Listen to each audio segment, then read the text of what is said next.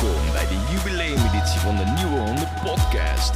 De podcast omtrent alles nieuwe honden. Luister mee als wij gaan terugblikken op 10 jaar nieuwe honden.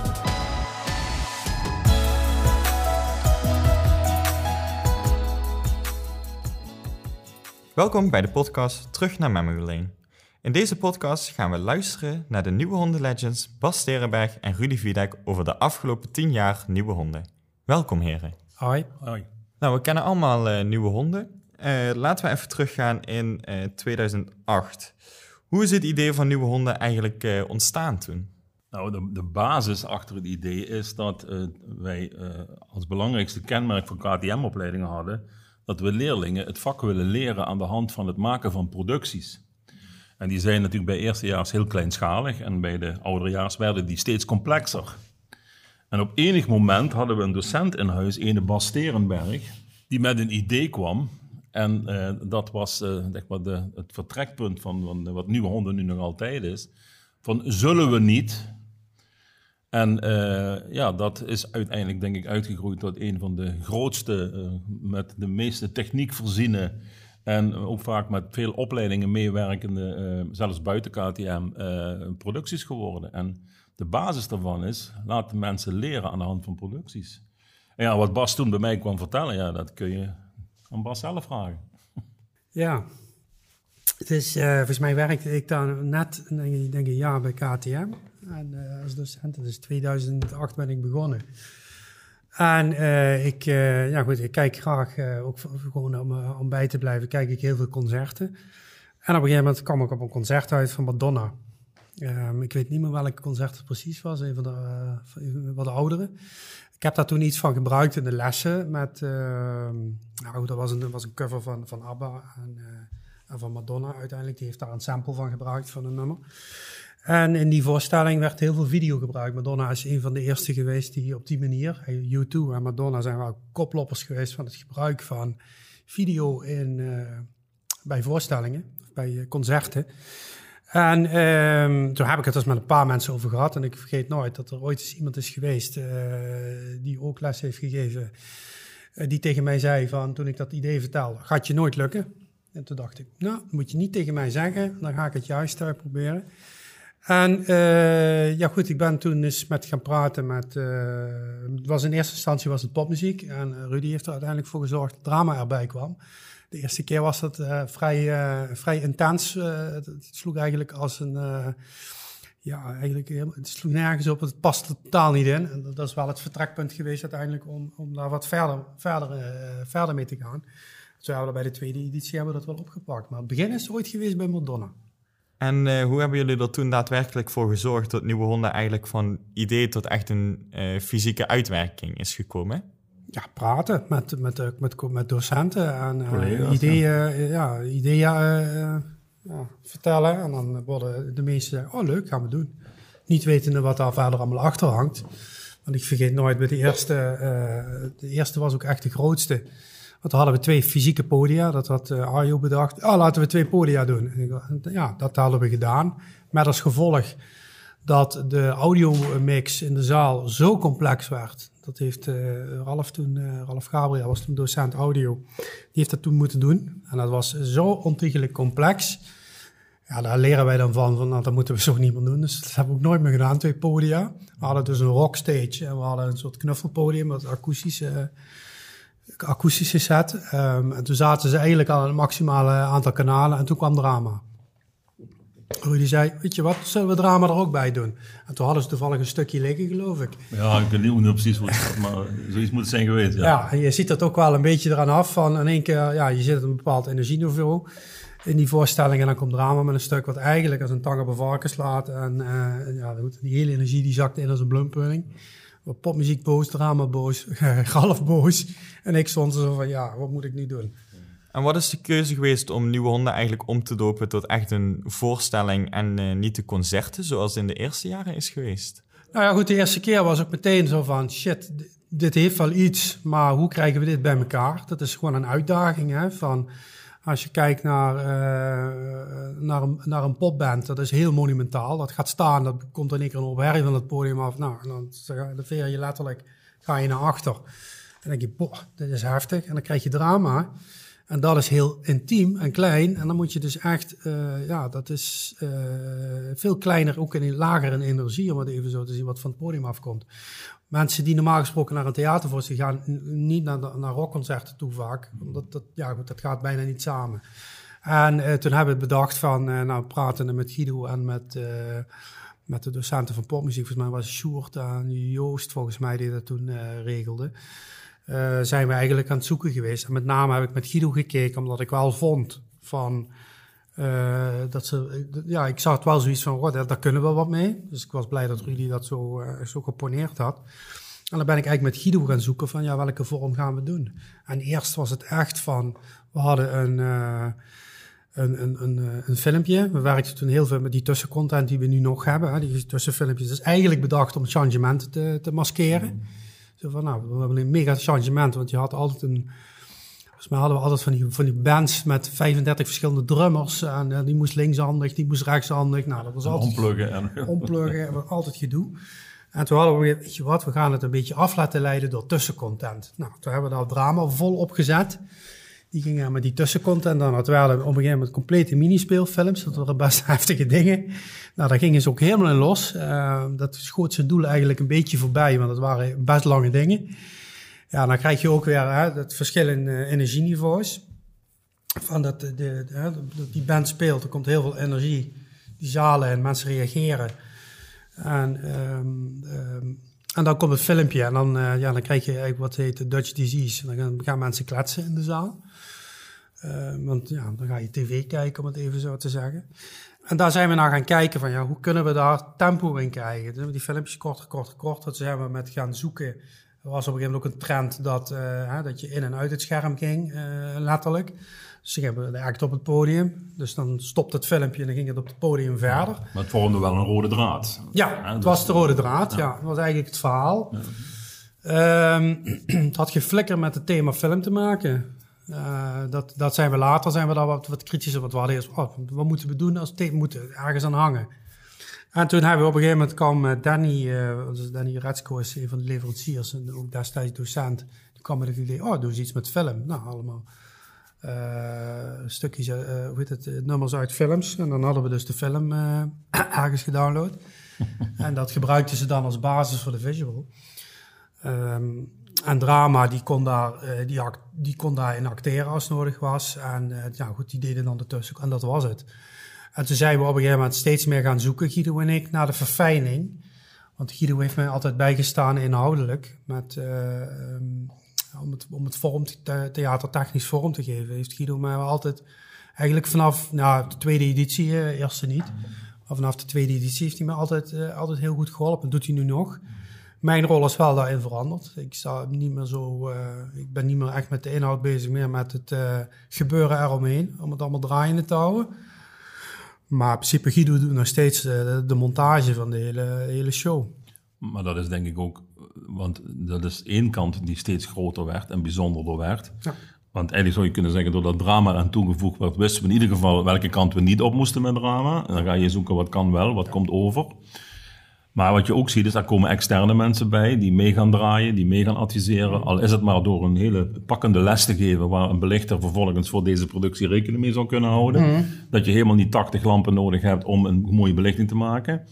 Maar je ziet ook dat mensen, want naarmate wij in de jaren vorderden, gingen steeds meer studenten stage lopen bij bedrijven. En daar zaten ook bedrijven bij, ik denk even aan de Letwall-achtige firma's, dat op het moment dat je richting Letwall gaat, dat zo'n bedrijf op een gegeven moment ook, gelet op het feit dat daar stagiaires zitten en horen wat er aan de hand is, bereid zijn om op een gegeven moment spullen te gaan leveren. En dan zie je ook dat ook die beweging op gang komt. Dus het werd niet alleen groter in wat zien we allemaal en wat krijgen we over ons heen.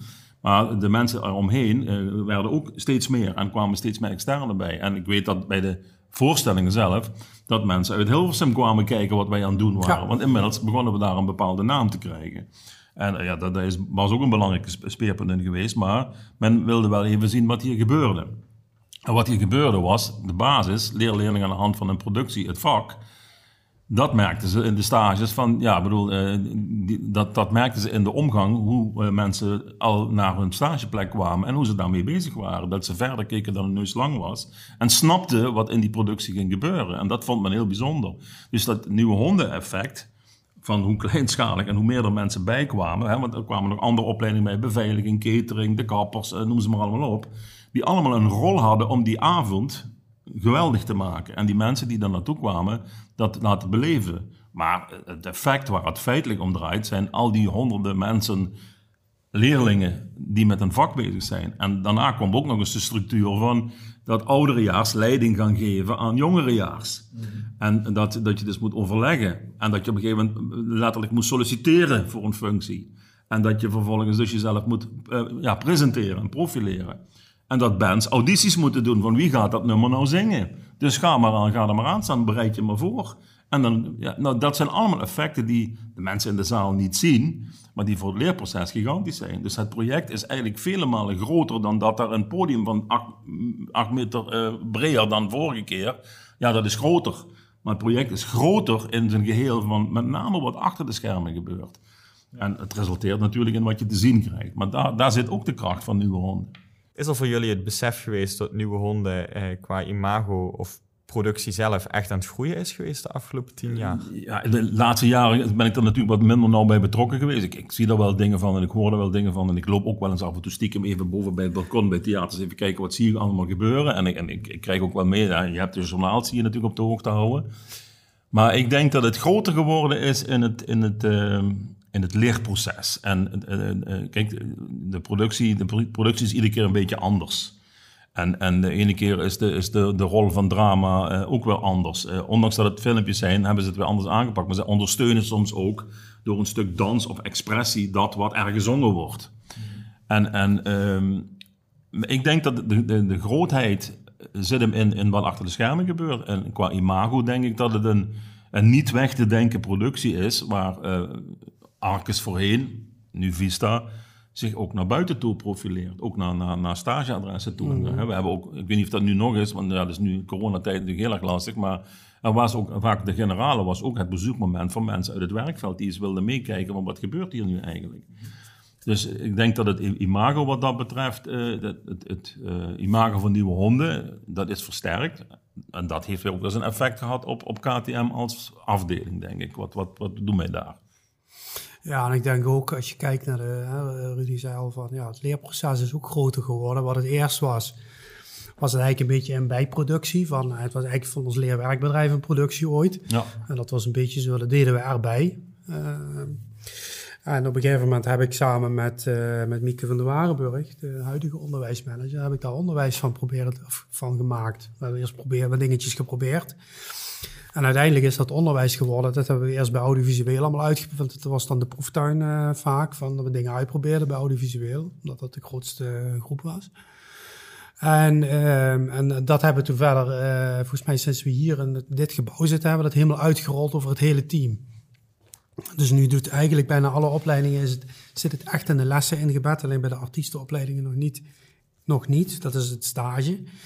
Maar in principe voor evenementenorganisatie, voor podiumtechniek, voor audiovisueel, uh, voor fotografie zit het gewoon echt in de lessen verweven.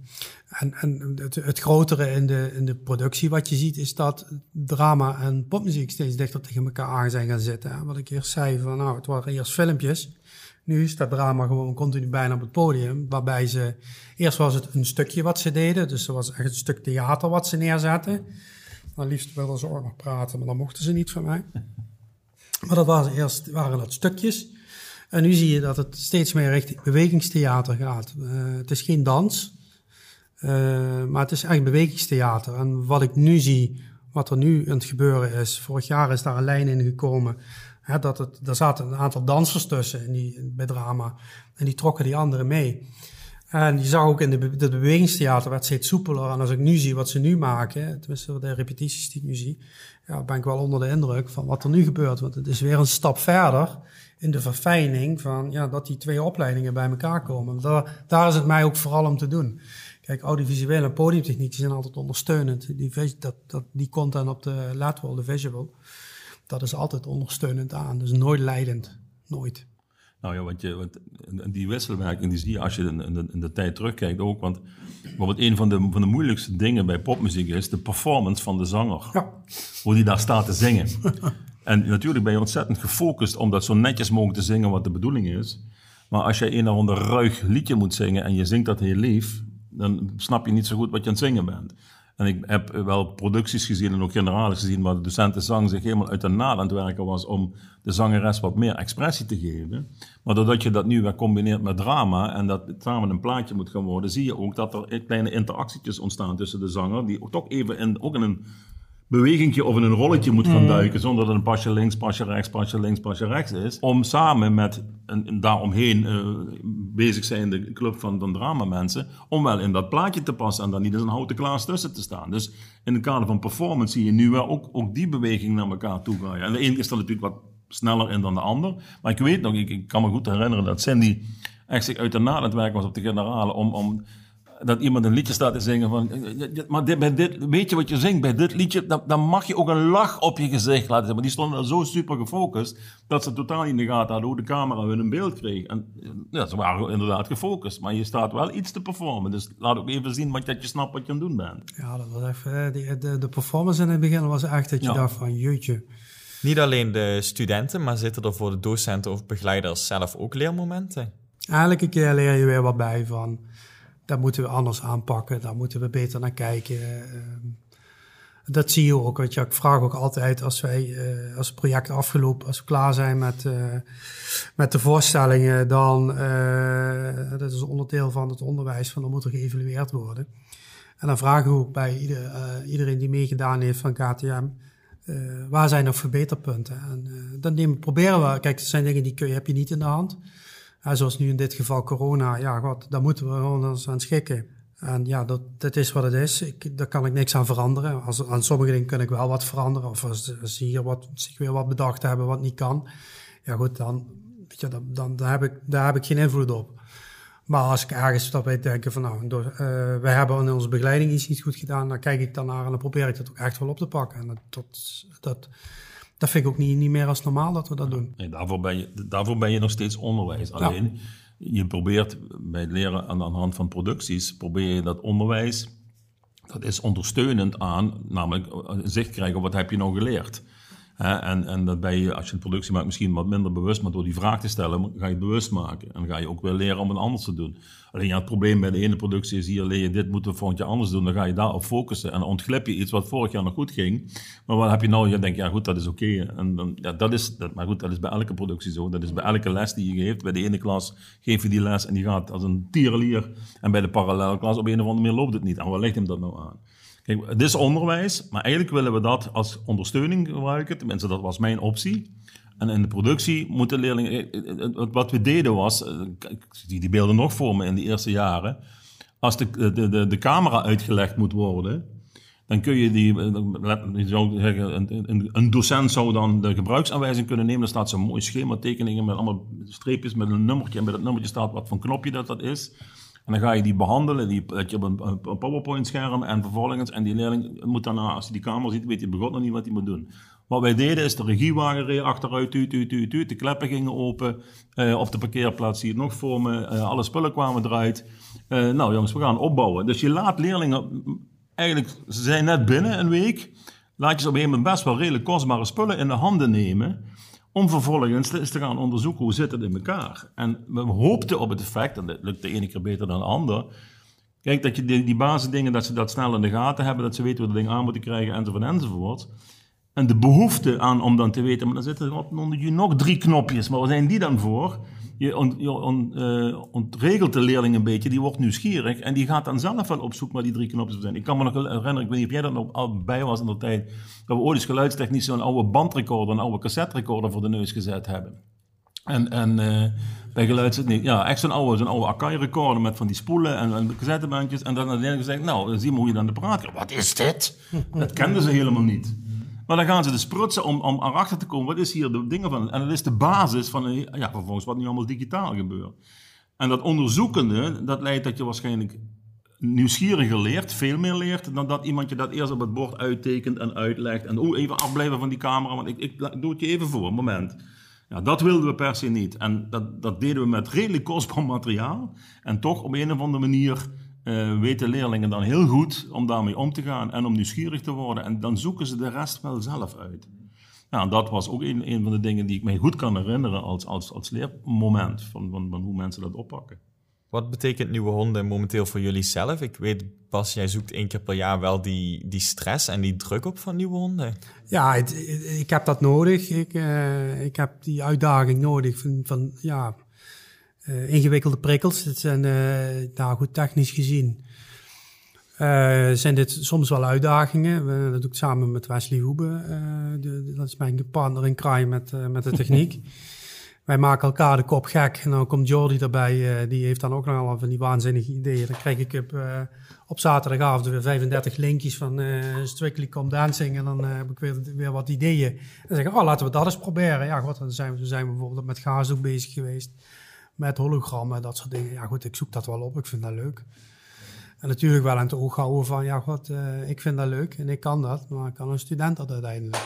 Dat is wel wat, wat je in je achterhoofd houdt. En tot slot, um, hoe kijken jullie uit naar de komende tien jaar? Denken jullie nog uh, ergens aan wat jullie willen gaan uitproberen of dergelijke? wat verwacht ik daarvan? Ja, dat is een goeie. Ik weet het niet.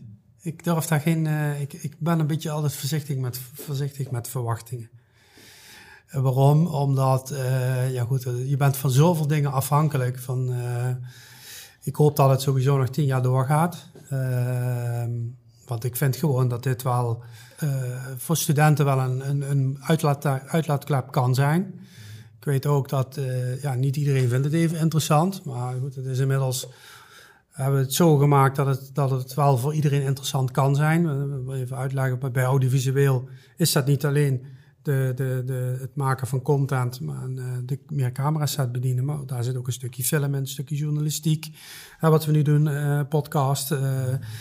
Ja, de quiz, nu is nieuw. Uh, ja, goed, dat zijn wel dingen, weet je, dat, uh, dat zijn allemaal, ja, we proberen het voor iedereen die verschillende interesses heeft, zo aantrekkelijk mogelijk te maken. En dat is ook wel, uh, ja, ik hoop dat we dat ook zo kunnen blijven doen, want ik vind het wel, ja, het maakt, ik vind het verbaast me, ja goed, ik ben er zelf nooit zo mee bezig, maar ik verbaas me hoeveel indruk het op mensen maakt. Ik hoor dan bij diploma-uitreikingen, hoor ik dan wel eens dingen van, van name van popmuzikanten, ook van audiovisueel.